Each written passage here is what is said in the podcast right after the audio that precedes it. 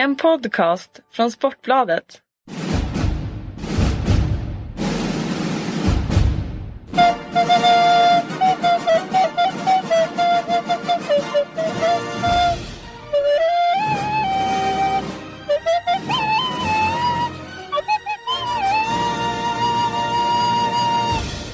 Då hälsar vi välkomna till eh, VM-podden. Avsnitt 3 tror jag att det är. Eh, och denna er kajplats i VM-eton som eh, vi gör tillsammans med Svenska handbollslandslaget AB. Så har vi fått det sagt och vi gör den också tillsammans med Per Johansson. Du, eh, jag ser dig. Ja, jag ser dig också. Ja, väldigt speciellt. Men på grund av tekniken så kör vi ju då ändå via, via Skype. Trots att vi då sitter ungefär 10 meter ifrån varandra och tittar på varandra. Eh, det ska nu gå vägen. Vi sitter på eh, spelarhotellet, Grupp C's spelarhotell. Vi har precis varit på en fransk pressträff. Eh, vi, du ropade precis efter Omayer här och, och, och, om att han kunde vara med in the pod. Men eh, han hörde inte va? Jag, ville... jag, tyckte, jag tyckte ändå att han, han, eh, ja, han hade redan fått vara med om han hade velat. Det var ju samma sak som jag bad Jobbo fråga Narciss eh, och bjuda in honom till vår handbollsskola på kanal 5. eh, som är välkomna om de skulle vilja. Ja. Sen får vi väl se om det blir en verklighet. Men, men eh, man kan ju alltid, man kan ju bara få ett nej. Så är det Exakt. Du, eh, men vi ser ut att köra själva och eh, det räcker väl gott. Vi, vi kör en stund här nu. Det är dagen efter Sverige-Egypten. Det är alltså fredag förmiddag i Sverige. 25-25 mot Egypten. Vad, vad, vad säger vi om den matchen Per? Jag tycker om hur, om, jag tycker om hur, hur Egypten eh, tog sig an den matchen. Eh, bra taktiskt, bra organiserat, eh, en hög tro på att det skulle kunna gå. Det var lite grann som vi hade förutspått. att Det är ett lag i en fin form med god stämning och många fina spelare. Så att eh, matchinledningen är, eh, eh, är en riktigt, riktigt bra handbollsmatch tycker jag. Eh, sen så Sen tar ju Egypten, när de känner att det här bär och man tappar lite grann den här svenska respekten som ju alltid finns, för Egypten har väl aldrig slått Sverige i en viktig match, så, så går man på ännu mer och då får Sverige jätteproblem. Eh, och eh, är väldigt, väldigt illa ute i alla delar egentligen. Eh, har stora problem med, med Egyptens anfallsspel som både är med skytte, men det är också med små snabba spelare som får springa emellan våra svenska försvarare. Och man straffade oss i perioder också brett, det vill säga att man fick med sina kanter. Så där är Sverige riktigt, riktigt illa ute. Sen så eh, tror jag att eh, Sverige bestämmer sig någonstans att jobbet ska göras och de här grejerna. Och sen får nog Egypten faktiskt lite gummiarm i slutet. De börjar spela lite sidled. Och det är en kombination av att Sverige är klart bättre givetvis, att man börjar göra jobbet. Men också att Egypten inte faktiskt, jag tror inte de tror riktigt på att de kan vinna mot Sverige i slutet. Ja, det börjar gå upp för dem där att shit, vi kan slå Sverige ungefär. Ja, och när Kim Andersson går av med vad det nu var kvar av matchen. Det blir ganska lång tid kvar av matchen. En kvart eller 13 kvart, minuter. Ja. Men Egypten är, avslutar matchen väldigt, väldigt dåligt. Sverige gör det ju riktigt, riktigt bra. Definitivt. Men nu var det också första gången vi ställdes mot en eh, riktigt bra målvakt. Eller som var bra i varje fall i, i, i den matchen. Jag ska inte såga övriga målvakter i, i de lagen vi har mött totalt sett. Men, men just den här, det var väl nästan så att han vann målvaktsmatchen. Ja, det gjorde han ju. Det är ju det är oftast är det Bakir som står i Egypten som har gjort 300 landskamper. Men, men Havdai här gör ju framförallt den, de första 40 minuterna är ju strålande och vi skjuter ju hela tiden i först, första intervallen. Det vill säga att vi tar snabba avslut, vi har ganska mycket bra målchanser. Men han chansar något hejdlöst i målet. Och då gör vi honom väldigt, väldigt bra. Och både Staffan och Ola är på spelarna i timeouten att alltså, håll i bollen lite grann. Och när vi började göra det men framförallt, och det var skönt att det var Ekberg som hade ju nästan, det kändes som att nästan alla avslut i slutet. Mm. Peter Scheen hade, som är lite mer tekniska. Östlund sköt några fina skott där i slutet. Eh, så, så visade man ju ganska snabbt på att det, det, är ingen målvakt i världsklass utan man hanterade hur ska jag avsluta mot mm. Kim Andersson klev av ja. Och vi vet inte hur det blir. Vad, vad, vad, vad är din åsikt i, i, det hela? Eller vad, ja, vi vet ju vad han betyder eh, naturligtvis. Eh, ja, min, min tanke är att herregud, han måste väl ändå vila mot Frankrike. Så viktig är ju inte en gruppseger här. Eh, så att han får ytterligare ett par dagar. Om det överhuvudtaget ska gå. Ska vi väl sätta det i ett litet annat sammanhang också då när vi, när vi är inne på fortfarande på Sverige-Egypten. Det är att eh, Kim är, har ju ingen, gör ju ingen, ingen bra match när han är på banan direkt. Han eh, lägger fokus på lite annat som man kanske ska göra för att eh, ja, prestera på topp. Och sen då går han av. Då spelar vi med Fahlgren, Lukas Östlund och eh, det är väl en, en kombination av spelare som inte har spelat alls tidigare tillsammans, skulle jag tro, i ett svenskt landslag. Men gör då med den uppställningen 7-2. Det var ju positivt. Jag tror att det var en signal till laget.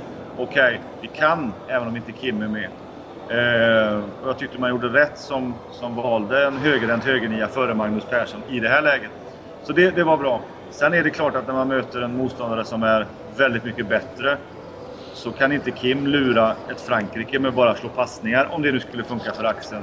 Det går mot lag som kanske Algeriet, viss mån ett Tjeckien som inte var så bra mot oss, Island och så vidare. Men det går inte mot Frankrike. Så att den går inte att mörka och då blir det direkt, eh, tror jag, stora problem.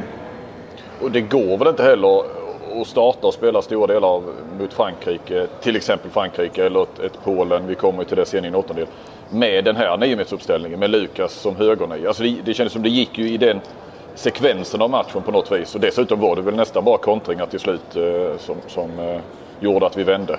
Ja, det var det. Det var alltså en matchbild som, som passade. Dels är alla de tre ganska snabba. Dels är det som du säger, mycket kontringar.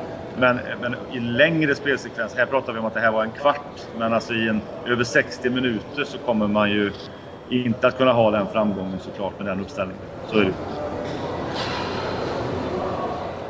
Om vi sen tittar eh, eh, framåt då. Nu ska vi se här, nu får vi eh, nästan eh, klippa lite. Niklas kommer här nu och blir helt ställd. Nej. Eh. Niklas Jarelind jag som är ju en eh, väldigt eh, sympatisk... Jag är väldigt, känner mig väldigt bekväm och trygg eh, med Niklas som jag har en enorm erfarenhet av. Kanske inte handboll men av, av att kommentera matcher. Så att, jag är glad för att dela tid med Niklas faktiskt och göra det här mästerskapet. Det, det känns tryggt för mig. Han verkar ödmjuk för att vara på TV. Får man säga så?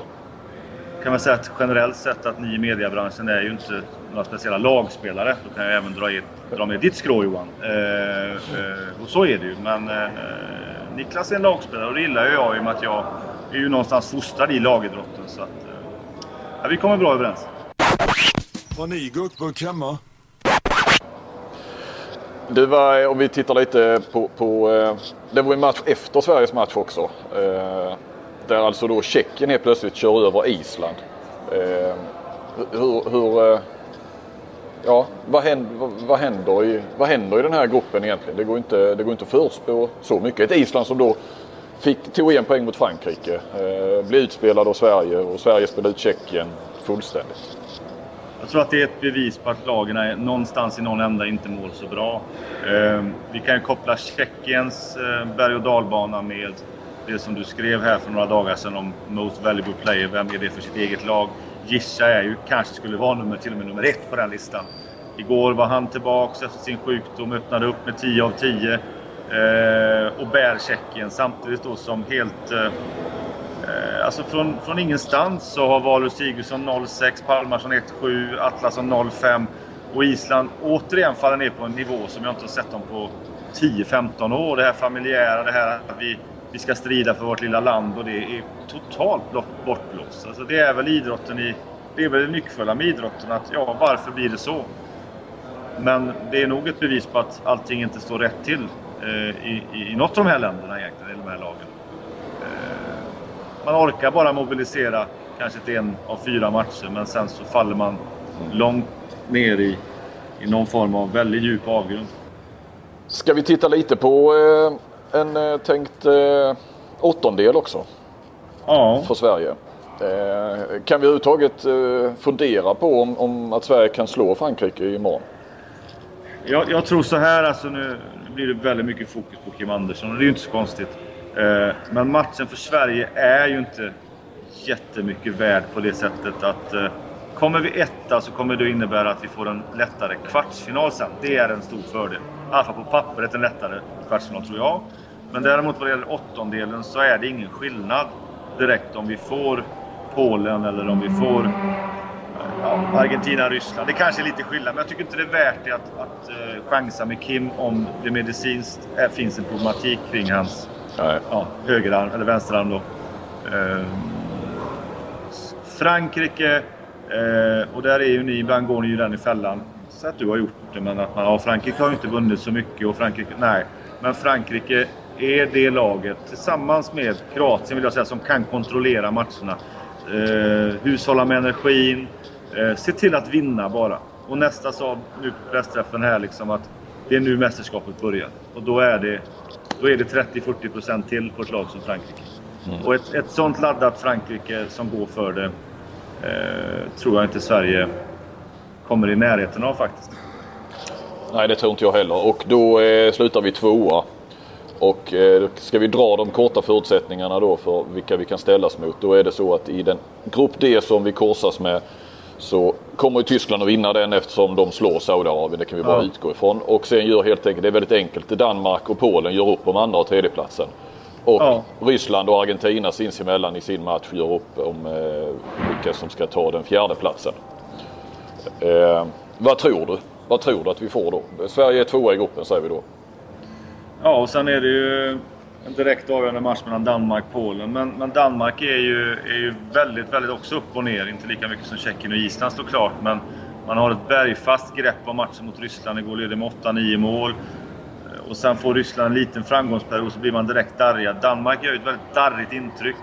Eh, man har en Landin i mål som ska vara världens bästa, som tar mycket skott när han får hjälp, men tar ingenting extra. Jag tycker Gren är bättre.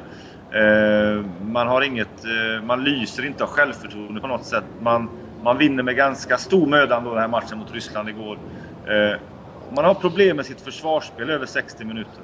Men jag väljer ju ändå Polen före Danmark i en, i en åttondelsfinal. Men det är ju enkelt. Förlorar Danmark mot Polen så Mm. Och vi förlorar mot Frankrike så är det ju Danmark. Och det, jag tror inte man vill ha Danmark. Jag vill inte heller ha... Jag tar alla dagar i veckan hellre Polen trots de trauman vi har mot Polen. Så, ja. så gör det nog. Jag håller med dig. För att någonstans har ju Danmark en högre, mycket, mycket högre högsta kapacitet än Polen. Så jag menar, får de träff så då har inte Sverige kanske så mycket att, att komma med.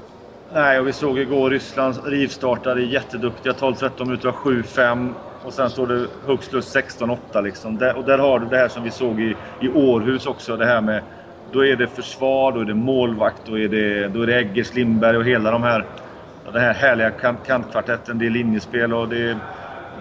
De spelar på det här danska flytet som de pratar om, på flowet. Mm. Då är de ju jobbiga att ta sig Hur stora chanser har vi? Säger, vi tror väl båda då kanske att det blir Polen. Hur stora är chanserna mot, mot ett Polen? Och vi har våra trauman som du säger i, i mästerskapen. Ja, alltså med, med, med, Kim Andersson så är det 50-50.